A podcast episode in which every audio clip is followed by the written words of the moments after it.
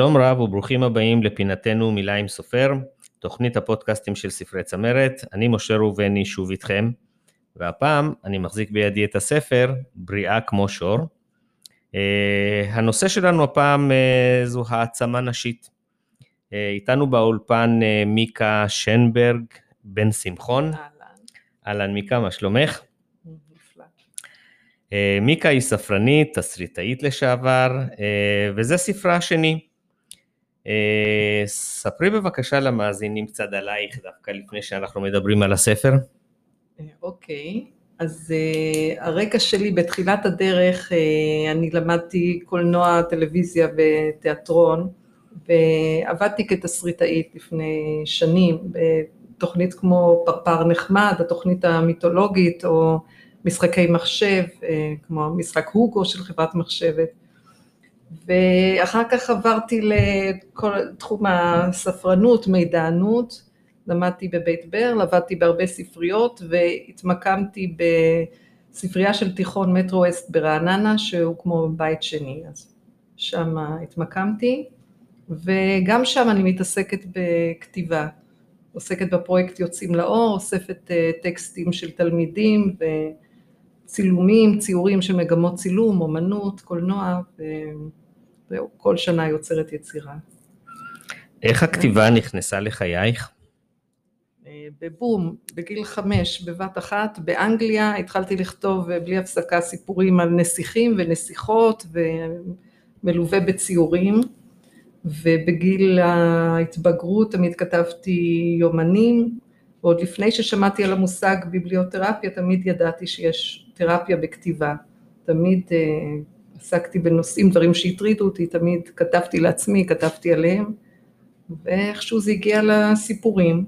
וב-2013 הוצאתי ספר ילדים, זה היה הספר הראשון, שמונה. הכתיבה משמשת מעין תיעוד של, של החיים כן. ברגעים הקיצוניים שבחיים. כן, רגעים טובים או גם טובים, קשים, קשים, וזה ממש מעין תרפיה וסידור של המחשבות. בעצם אני כותבת כשאני מוטרדת, זה עושה סדר. מניין אה, מגיעה ההשראה שלך לסיפורים? אה, מכל מיני כיוונים, אני יכולה לקבל השראה כשאני יושבת בבית קפה וממש מצוטטת לשיחות של אנשים, אה, לפעמים כותבת לעצמי קטעים ממש מדיאלוגים, וזה יכול לתת לי הרבה כיוונים. קרה סיפור פשוט מכתבה שקראתי בעיתון, הרבה ממה שאנשים מספרים לי על עצמם ודמיונות, זיכרונות שלי וקטעי מציאות ודמיון מעורבבים. יש איזשהו מכנה משותף בין הסיפורים שאת כותבת? אה, בספר הזה, בספר. יש את המכנה המשותף שגם לא מיד קלטתי אותו, אלא רק אחרי הרבה מאוד סיפורים אני קלטתי שכל פעם יש דמות נשית שבעצם עוברת מכשולים או איזה טראומה ומתגברת עליה, אבל שוב ושוב כתבתי את זה בלי להבין שזה מה שאני כותבת, ורק אחרי איזה עשרה סיפורים אה, קלטתי ואמרו לי את זה גם, אז... אה, גילית את המכנה משותף רק אחרי גיליתי, שכתבת. זה פשוט יצא ממני ככה. ו... מדהים, כן. מדהים. Uh, הספר זכה לביקורות רבות, בין uh, שאר המבקרים, uh, רוני סומק כותב על הספר, בריאה כמו שור מזמין אותנו למלחמת שברים ספרותית. קרני העלילה נוגחות משורה לשורה והקורא מוחא להן כפיים. זה רוני סומק. אה, הגר ינאי כותבת, מיקה שנברג בן שמחון יוצרת בסיפוריה עולם אה, שריאליזם ופנטזיה שזורים בו לבלי הפרד, עולם בו נשים פגיעות ורגישות לומדות להצמיח כנפיים ולעוף כשהן משאירות מאחור חוסר צדק, אכזריות ועוול שנגרם להן. אה, את רוצה להרחיב? אני חושב שהביקורת הזאת היא ביקורת אה, שחודרת מאוד עמוק, כן, רוצה להרחיב? מאוד התרגשתי מהביקורות, אני רוצה לומר, אלה שני אנשים אה, מקסימים, ורוני סומק, אני, זה היה כמו סגירת מעגל, כי בגיל 16 למדתי אצלו בסדנת כתיבה בספריית בית אריאלה, וזכרתי אותו לטובה כל השנים. ואז שנפגשנו זה היה ממש מעין סגירת מעגל, הוא אהב, אהב את הסיפורים. והגר ינאי היא פשוט מדהימה, אני התחילה קשר איתה דרך זה שקראתי ספר שלה במלון בלילה בחו"ל והתאהבתי בספר וכתבתי לה מייל שכל כך נהניתי, מזה בעצם התחיל הקשר. ואחרי זה התכתבנו, דיברנו, אחרי זה היא אהבה סיפורים שלי, והתחיל כל המסע איתה, שהיא מאוד עודדה אותי, חיזקה אותי. מאיזה צורך נולד uh, הרעיון לכתוב ספר? איזה צורך, זה, זה קרה בהדרגה, כאילו, ה... אני נתתי לחברות, למשפחה לקרוא סיפורים, ובהדרגה התחילו להגיד לי, אולי uh, כבר תעשי עם זה משהו, אולי תוציאי ספר, ו... ככל שהתווספו הסיפורים, בסוף אבל הייתי צריכה גם לצמצם, היו לי כבר כמויות של סיפורים, אני הייתי צריכה לבחור יותר בפינצטה מה, מה הכי... אה, אני רוצה באמת לספר למאזינים, אנחנו תכף ניכנס לכמה קטעים מתוך הספר, אבל לפני שנכנסים לקטעים הייתי רוצה לתת את אותו מכנה משותף שיש בספר בכל הסיפורים. אוקיי, okay, אז זהו, יש את הקשר שגיליתי בהדרגה, אבל באמת בכל הסיפורים יש דמות נשית. שמתמודדת עם מכשולים, עם אה, עוולות. אה, המטרה שלה לממש את עצמה כאישה, לשרוד בעולם אכזרי כזה, ליצור לעצמה את החיים שיתאימו לה. אני אתן דוגמה לכמה מהדמויות, אה, אודליה בבריאה כמו שור היא אישה צעירה גאונה במתמטיקה, מצד שני דחויה חברתית, כבדת משקל, והיא מחפשת תשוקה, אהבה, היא רוצה ילד משלה, היא מתאהבת בגניקולוג שלה. טניושקה היא בת לאם חד-הורית בלנינגרד שחשה בדידות ומחנק מאוד כמהה לחום ואהבה ומתעמתת עם אימא שלה. עם פלומה זה לא ברור אם, אם היא בעצם אה, נכה, משהו גודל בגב שלה, היא מתחילה ללבוש הרבה מאוד שכבות של בגדים, ואחר כך מתגלה שהיא גם אה, מסוגלת לעוף וגם למצוא אהבה ואושר, ומדובר על כל מיני שלבים בחיים שלה. אה, מירי היא חיילת יפה ורגישה שמתמודדת עם קצינה אכזרית מאוד, שמתוסכלת מהחיים שלה ומוציאה הכל עליה. עד ההתפרצות שלה, היא סופגת, סופגת, זאת אומרת כמה רוע אפשר לבלוע. ו... כן, אפשר לסכם את המכנה משותף שבספר, הפוך מאיגרא רמא לבירה עמיקתא, פה אצלך זה מתחיל מבירה עמיקתא לאיגרא רמא. כן, אפשר כן. לסכם את זה. כן. אה, תרצי להקריא קטע מתוך הספר, קטעים שהם מיוחדים? אוקיי. אז בואו נראה איזה קטע מתוך הנקודה הנכונה של חני, אה, שם יש סיפור של מערכת יחסים עם גבר ואחר כך עם אישה, אה, יש כאן סיפור שהיא נמצאת בבית חולים ופתאום מישהו נוגע בה ואין לה מושג אה, מי זה.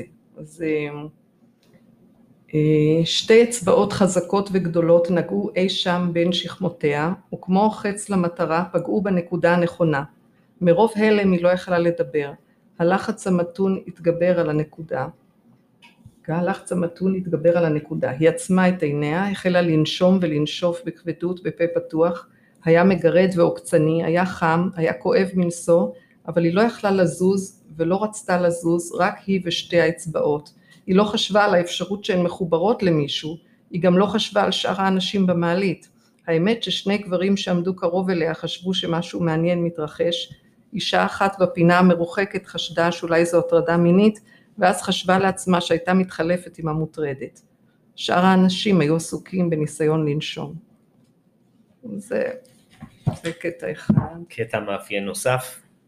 אמ, יש סיפור אה, קשה, הכסף מאימא, שיש בו אונס קשה, אני חושבת עם... אה, איזה קטע לבחור. אה, יש כאן קטע, מה שעובר על הנאנסת ממש תוך כדי המחשבות. אמ, ריח כבד של בירה וזיעה חדר לנחיריה, היא ניסתה לעצור את נשימתה. חריקות נשימותיו המאומצות התערבלו באוזניה. היא לא הוציאה הגה, רק חשה איך היא מיטלטלת ללא כל שליטה בתנועותיה. כמה הוא כבד לעזאזל, לו רק יכלה לבעוט אותו מעליה, לו יכלה לתקוע את ציפורניה לתוך גלגלי עיניו ולעקור אותן, לנשוף אש בפניו, להבעיר את ראשו, אולי אז היה מפסיק לנוע במרץ כזה. היא שמעה את נטשה צורחת וזועקת לעזרה ועצמה את עיניה בחוזקה. עוד מעט זה ייפסק, הבטיחה לעצמה. עוד מעט. אך למה זה אורך כל כך הרבה זמן? הזמן נעצר כאן ביער, רק הבחישה הזאת נמשכת, הגניחות, כואב לה. אוקיי, עד כאן. עד כאן, זה מספיק קשה. כן, כבד. בחרת בשם אה, בריאה כמו שור, כן. למה? השם של הסיפור הראשון.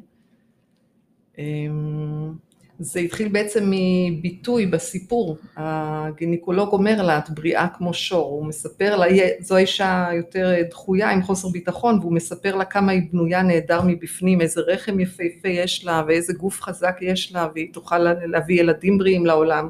הוא מעודד אותה, וזה הביטוי, בריאה כמו שור. ואחר כך כשאני חושבת על זה, זה גם כמו כל הנשים האלה שהן אה, מתחזקות ומוצאות את העוצמה שלהן, כמו, כמו שור. ובריאה אולי זה גם האישה שבוראת חיים. את עדיין, את בקשר עם הנשים האלה? עם האנשים שבסיפור? חלקם ודאי מהדמיון? כן, אני אוהבת אותן אחת-אחת, יש לי מערכת יחסים עם כולן, באמת, הן כל כך שונות, כל אחת עם משהו אחר. יש גם סיפור אחד קשה שהוא בעצם, אה, זאת אומרת, סיפור האונס אה, בהשראת סיפור אמיתי של אה, חברה שעברה אונס קשה וזהו, זה בעקבות הרבה שיחות שלנו, בסוף יצא הסיפור הזה. אוקיי. מה היית רוצה שאנשים ייקחו איתם מקריאת הספר? מה שאולי המסר לנשים, לא להתייאש, גם שנמצאים בתחתית בקטעים קשים, ויש הרבה רגעים קשים בחיים, זאת אומרת שתמיד אפשר לעלות מזה, שזה עניין זמני, שזה דברים עוד ישתפרו. פחות או יותר. אכן תמיד? כן, דברים משתפרים. כן. כן. לפחות הרוב אפשר להגיד, הרוב, וכדאי כן. להתאמץ בשביל זה. כן, כן. אה, מיקה, אנחנו נראה עוד אה, מכתיבתך בקרוב? אה, יש איזה ספר חמוד כזה מחורז שהוא מתנה לחברה שאני מקווה להוציא בקרוב ועוד משהו שאני מתחילה, אבל זה תחקיר, זה משהו, רומן על תקופה של מלחמת העולם השנייה, תחקיר שאני עושה על המשפחה שלי, זה סיפור שייקח זמן יותר. גם זה יגיע. אה, כן. מה שנשאר לי זה באמת לאחל הצלחה לך ולספר, אה, ולפני שאני שולח את המאזינים לקנות את הספר בחנויות הספרים ובאתר נטבוק, עוד משהו שאת רוצה להוסיף שלא שאלנו?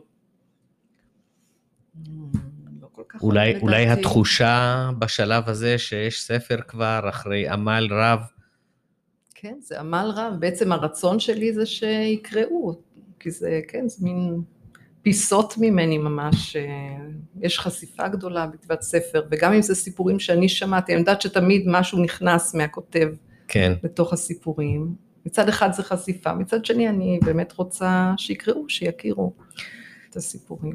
טוב, אז אה, זה מה שאנחנו באמת מאחלים שזה יצליח ושאנשים יקראו ושילמדו מזה משהו, ואם צריך להיזהר אז, אה, אז אפשר להיזהר ואפשר לראות שיש מקרים אה, קשים אה, ולפעמים איזושהי טראומה קטנה של אדם, בעיניו היא נראית טראומה הכי ענקית שבעולם, וכשהוא כן. רואה שיש מקרים כאלה אה, קשים, הוא קצת מתנחם ואומר, אוקיי, כן. הטראומה שלי ביחס כן. לכל האחרים היא קטנה יותר. הוא מסע של הנפש כזה. כן.